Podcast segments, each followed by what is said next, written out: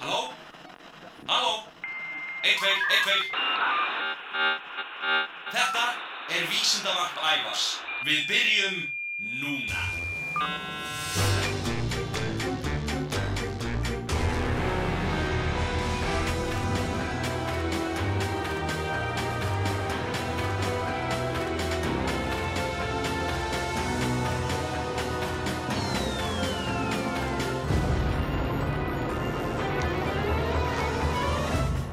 Komið sæl og verið velkomin í Vísindavarpið.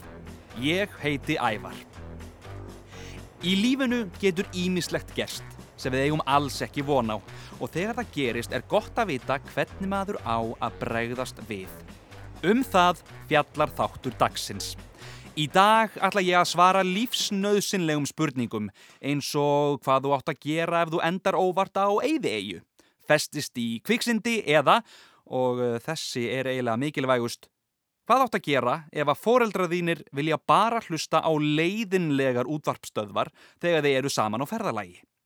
Ég ætla að segja ykkur frá flöskuskeitum, slími, lirfum og lífshættu. Við skulum byrja.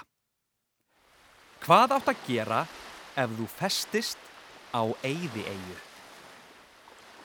Það er draumur flestra að geta slakað á á fallegri sólarströnd klukkutímum saman. En vittu til, ef þú kemst ekki aftur heim, þá kárnar gamanið frekar fljótt.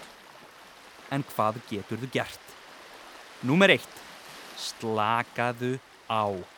Dragðu djúft andan og þakkaðu fyrir að þú hafir lifað skipskadan eða brotlendinguna af. Númer tvö. Tryggðu að svæðið sem þú ætlar að vera á sé örugt. Þetta gerur með því að líta vel í kringum þig og passa að hverki séu neyn villidýr eins og ljón, tígristýr eða lundar. Ekkert að þessum á að vera nálægt. Þetta er svæðið sem þú ætlar að búa á svo þú verður að passa að enginn geti læðist upp að þér eða að sjórin flæði ekki yfir það. Svæðið getur verið í fjörunni, einhver staður upp í tré eða inni í frumskólinu. Mundu bara að fara varlega. Númer þrjú. Findu þér eitthvað að drekka. Það er gríðarlega mikilvægt að hafa nóg af hreinu vatni að drekka. Þú getur fundið hreint vatn með því til dæmis að finna tré með löfblöðum og drekka döggina sem sapna saman á þeim. Ef þú ert lengi á einni, þá skaltu aðtuga hvort að sé stöðu vatn einhver staðar. Númer fjögur. Búðu til skjól. Ef þú finnur ekki helli, og ef þú finnur helli þá skaltu passa að enginn búi í honum, þá skaltu taka greinar og löfblöð og búa þér til tjald. Ef þú hefur ekkert betra að gera, uh, skaltu svo búa til fáránlega flott hús með bílskur. Og því næst skaltu búa til bíl úr stórum greinum, löfblöðum og öðru drasli sem þú finnur, enda algjör skömm að láta góðan bílskur standa tóman. Númer 5. Findu mat. Það finnst engum gaman að vera svangur. Líti kringum þig. Sérðu ávexti einhver staðar? Býtu, býtu, býtu, ekki hlaupa til og háma þá í þig. Sumir þeirra getur farið illa í maga og meira segja verið eitraðir. Taktu frekar haug af steinum, raðaðu þeim í flæðarmálinu svo þeir myndi stórt vaff sem snýra þér, stórt vaff sem snýra þér, myndu, og býtu þar til flæðir af. Fiskarnir munu synda inn í vaffið og festast þar þegar sjórin flæðir aftur frá. Ef þú átt í erfileikum með að veiða fisk, þá er örugast fyrir þig að geta pöttutnar sem þú sérð á víð og dreifum eiguna. Verði þér að góðu. Númer 6. Kveiktu eld. Eins og allir vita er versta, langversta tilfinning í öllum heiminum, hún er svo að vera blöytur í fæturna. Hér þarf þurran við, sprek, strá og nóg af þólinnmæði því það getur tekið langan tíma að lífga logan við. Þegar þú hefur tendrað bálið, þá getur þú eldað fiskin eða pöndurnar sem þú veitir. Auk þess er gott að sjóða allt vatn sem þú finnur í svona 2-3 mínútur bara til öryggis. Eh, Mundu samt að fara vallega og fá mömmu og pappa með þér til að kveikja eldin. að því gefnu að þau séu á eigðeiginu með þér. Og síðast en ekki síst, nummer sjö, láttu vita af þér. Kanski gæti flúvél flógið yfir eiguna. Findu nokkra steina og gerðu stórt X í fjöruna. Ef þú finnur marga steina, þá getur skrifað heilt orð, kannski eins og hjálp. Og ef þú finnur alveg fáránlega marga steina og hefur ekkert að gera, þá getur þú gert X, skrifað hjálp og, og skrifað svo ævar vísindamæður er frábær, PS, bjargi mér, upprópanamerki. Þú getur búið til flöskuskeiti, kastað út í sjó, haldið varðeldinum gangandi og myndu umfram allt ekki missa vonina. Gangið er vel.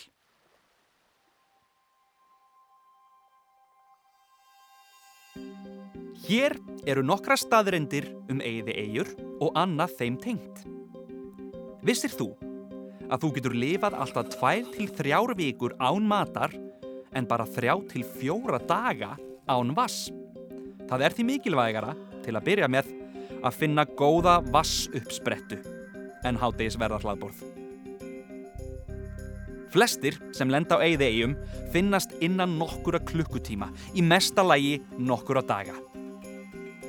Indjáninn Juana Maria bjóð þó ein á eigu í Kirrahafinu í ádján ár. Ádján ár! Elsta flöskuskeiti sem fundist hefur var 98 ára gamalt.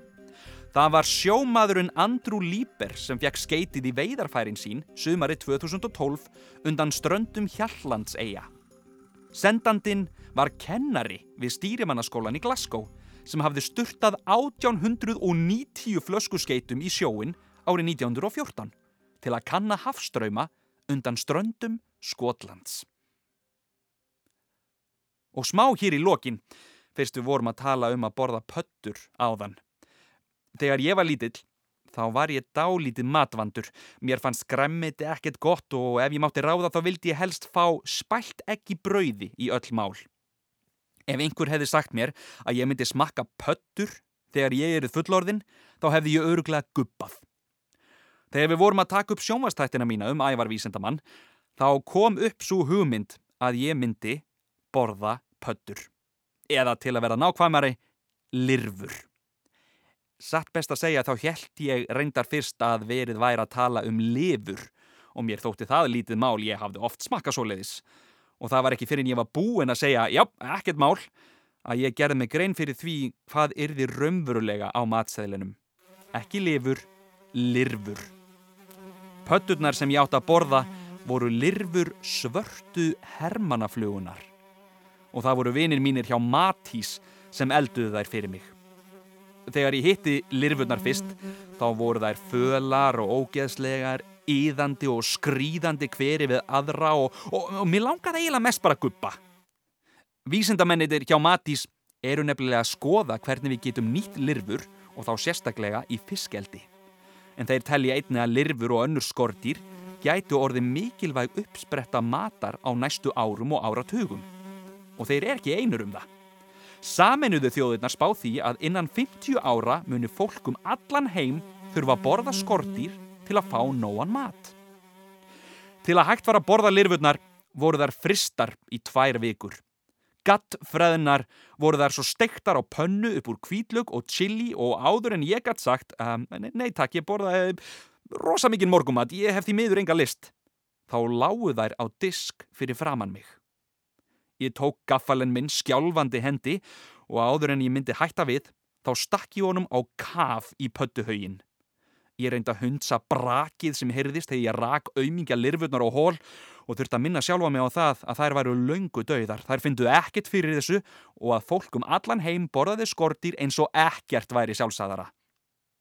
Ég bar kúfullan gaffalinn hægt í augnæð og ég virti lirfurnar fyrir mér. Jú, þær voru enn kvítar og ógeðslegar. En þetta gæti samt verið verra. Þær voru allavega ekki á yði. Ég beit á jakslinn og beit svo í lirfurnar. Eina bragðið sem ég fann var af chili og kvítlaug. Það var áferðin sem var ógeðslegust. Sumar lirfana voru farnar að púpa. Að púpa þýðir að það er sem sagt milli stíð á milli lirfu og flugu og voru þess vegna harðar undir tönn. Þá þurfti ég að bryðja þær eins og pínulítinn slímugan sterkan brjóssikur sem sprakk upp í mér. Óha, þetta var frekar ógeðslegt. Ég kláraði auðvitað af disnum mínum eins og maður á að gera og, en hins vegar þá efast ég um það að ég gæði mér aftur á lirfum nema ég nöðsynlega þurfi þess.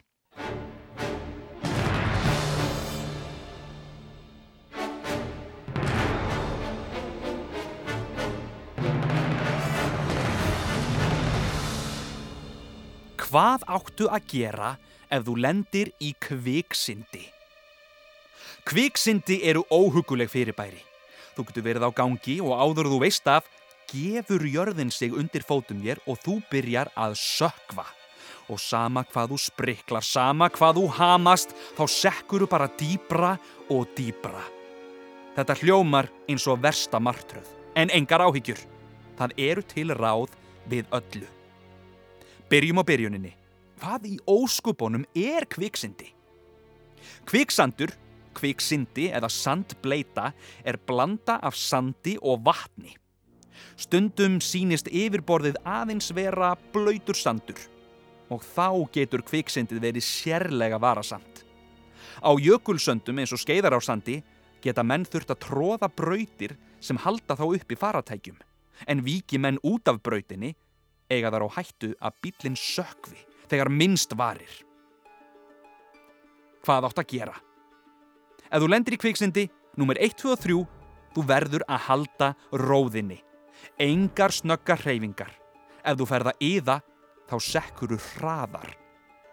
Losaðu þig við allan óþarfa. Ef þú ert með bakpoka, þá skaltu losa hann af þér og hendunum í burtu.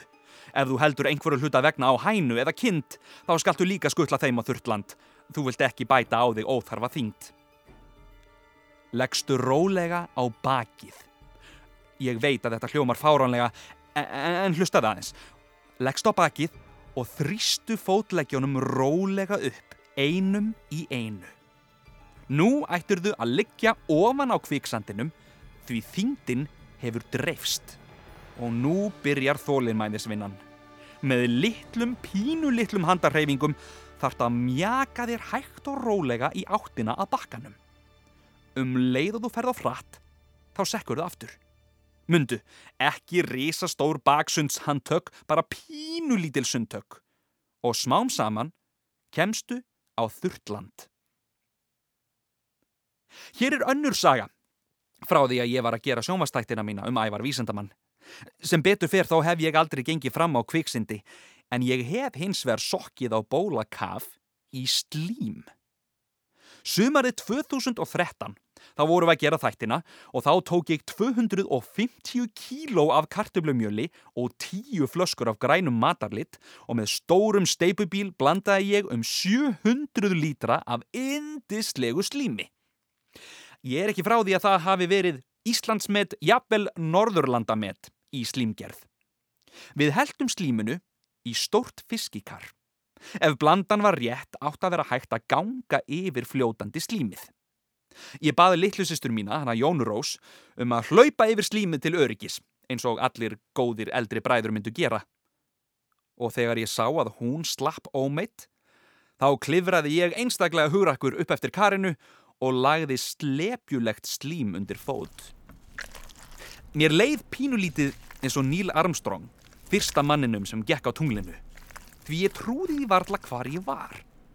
Ef þið hafið einhvern tímann lappað í hoppukastala sem hefur ekki verið alveg blásin upp, þá komist þið nokkuð nála tilfinningunni að ganga um á slími. Þetta var góð slímblanda, hún var ekki á þykk og ekki á þunn og ég vissi að svo lengi sem ég heldi áfram að lappa myndi slímið halda mér uppi. Eftir góðan slím lappitúr ákvað ég að breyta til. Ég varð að gera samanburðartilraun. Ég hætti að lappa, ég stoppaði og létt mig sökva. Um leið og ég nam staðar þá byrjaði það. Áður en ég vissi af, horði ég á eftir fínu skónum mínum hverfa ofan í grænt hildýpið og þegar ég reynda að kippa fótunum upp úr kom í ljós að ég var pikk fastur. Um stund náði ég að losa hægri fótinn en þá var skórin eftir á bóla kafi. Það gekk auðvitað engan veginn og ég stakk fætinum aftur onni.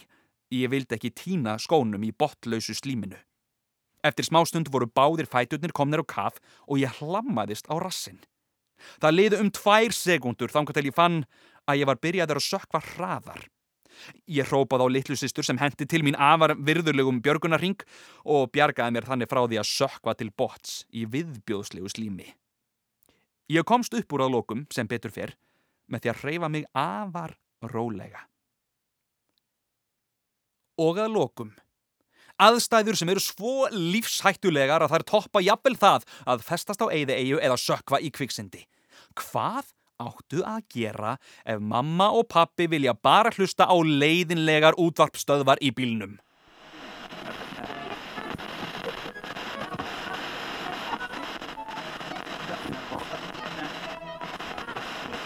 Algengasti ferðamátin til að komast á milli staða á Íslandi er á bíl. Hér eru hvorki lestar nýja póstavagnar og þó svo að það sé hægt að taka rútu eða fljúa landshorna á milli þá vilja flestar fjölskyldur ferðast saman í bíl. Engar tvær fjölskyldur eru eins. Sumar fjölskyldur geta setið saman í þögn og hort út um gluggan. Aðrar fari í leiki á leiðinni og enn aðrar lesa bækur. Nema auðvitað bílstjórin. En oftar en ekki er kvikt á útvarpinu. Tónlist er svolítið eins og bland í póka. Það finnst ekkit öllum sömu mólarnir góðir. Kanski langar pappa að hlusta á klassíska tónlist, mömmu á gamalt rock, stóra bróður á rapplag, litlu systur á dýrin í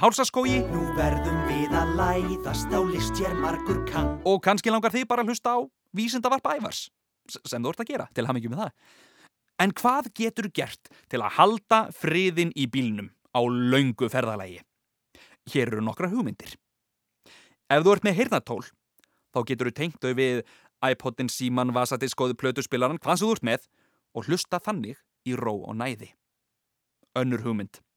Ef þú vilt algjöra þögn, þá getur þú beðið mömmu og pappa um að kaupa handa þér eyrnatappa.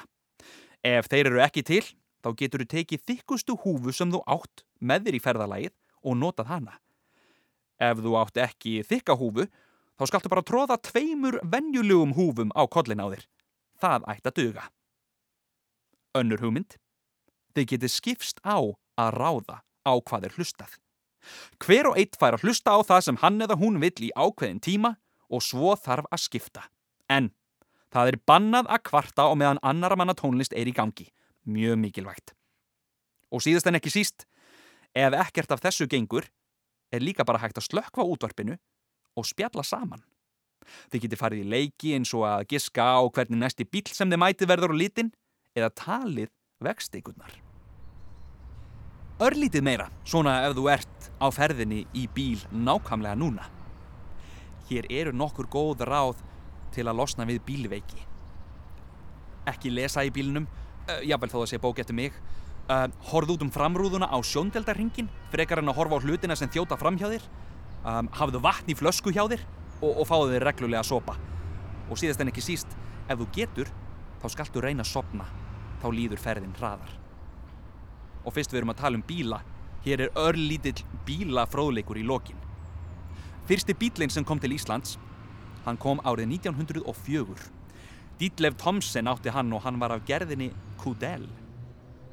Hámarksraðin á ringveginum er 90 km á klukkustund. Það má ekki fara hraðar en 90 km á klukkustund. Gamalt húsráð til að komast að því hvort að mamma og pappi sé að keira of hratt er að fylgjast með vegstekunum. Ef þú getur ekki lengur talið stikurnar er bílstjórin að keira allt of hratt. Og mundu, það er stórhættulegt og stránglega bannað að tala í eða vera í farsíma á meðan maður keirir.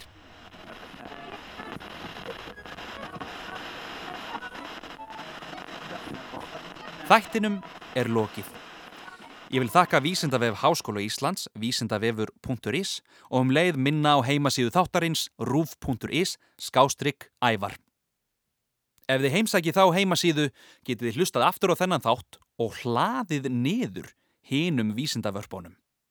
Ég þakka fyrir mig, ævar vísindamaður, yfir og út.